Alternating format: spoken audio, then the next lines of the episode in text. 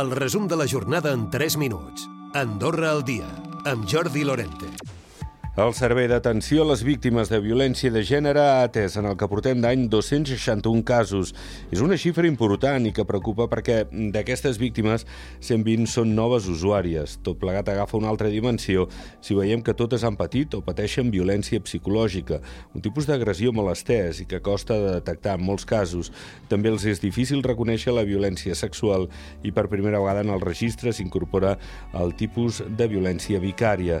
Des de l'àrea de polítiques d'Igualtat insisteixen en la necessitat de denunciar-ho. Mireia Porres és la cap d'àrea de polítiques d'igualtat. Un tipus de, de maltractament psicològic no seria pues, crits o, o que et parli, que et posi, que et pugi el, el, el to, no? parlant, o insults, o, o fer-te sentir malament clar, això mm, no és tan fàcil no? de detectar i després també moltes vegades ve seguit d'un disculpa aquest dissabte és el dia contra la violència de gènere envers les dones. I el govern i la multinacional Grifols segueixen apostant per un laboratori de recerca biomèdica Ordino que no tirarà endavant fins que no ofereixi totes les garanties. S'hi referia al cap de govern, Xavier Espot. És un projecte que no tirarem endavant fins que no tinguem totes les garanties perfectament acomplertes i això és en el que estem treballant.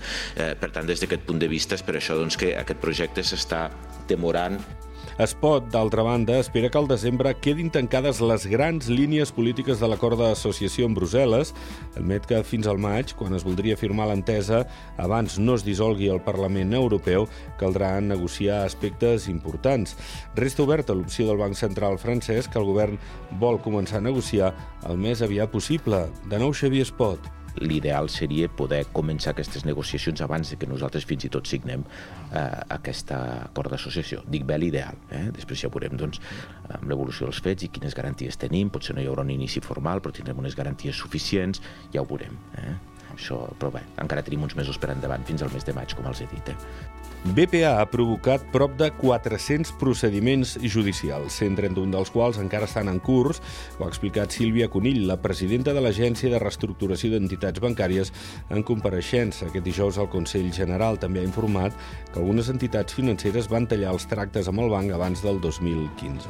I el primer tram del projecte Caldes, entre el pont d'Engordany i la sala d'exposicions, estarà obert abans de Nadal. En les properes setmanes ja estarà operatiu un dels tres safareigs de l'aigua termal i els d'aigua freda i les aixetes del passeig del riu. Ho explicava la cònsul en una visita a les obres i la temporada d'hivern de Naturland començarà el 2 de desembre. Preveu tenir un 10% més de clients que l'any passat. La gran novetat per enguany són les Snow Scooter, una oferta que ajuda al medi ambient. Recupera el resum de la jornada cada dia a AndorraDifusió.d i a les plataformes de podcast.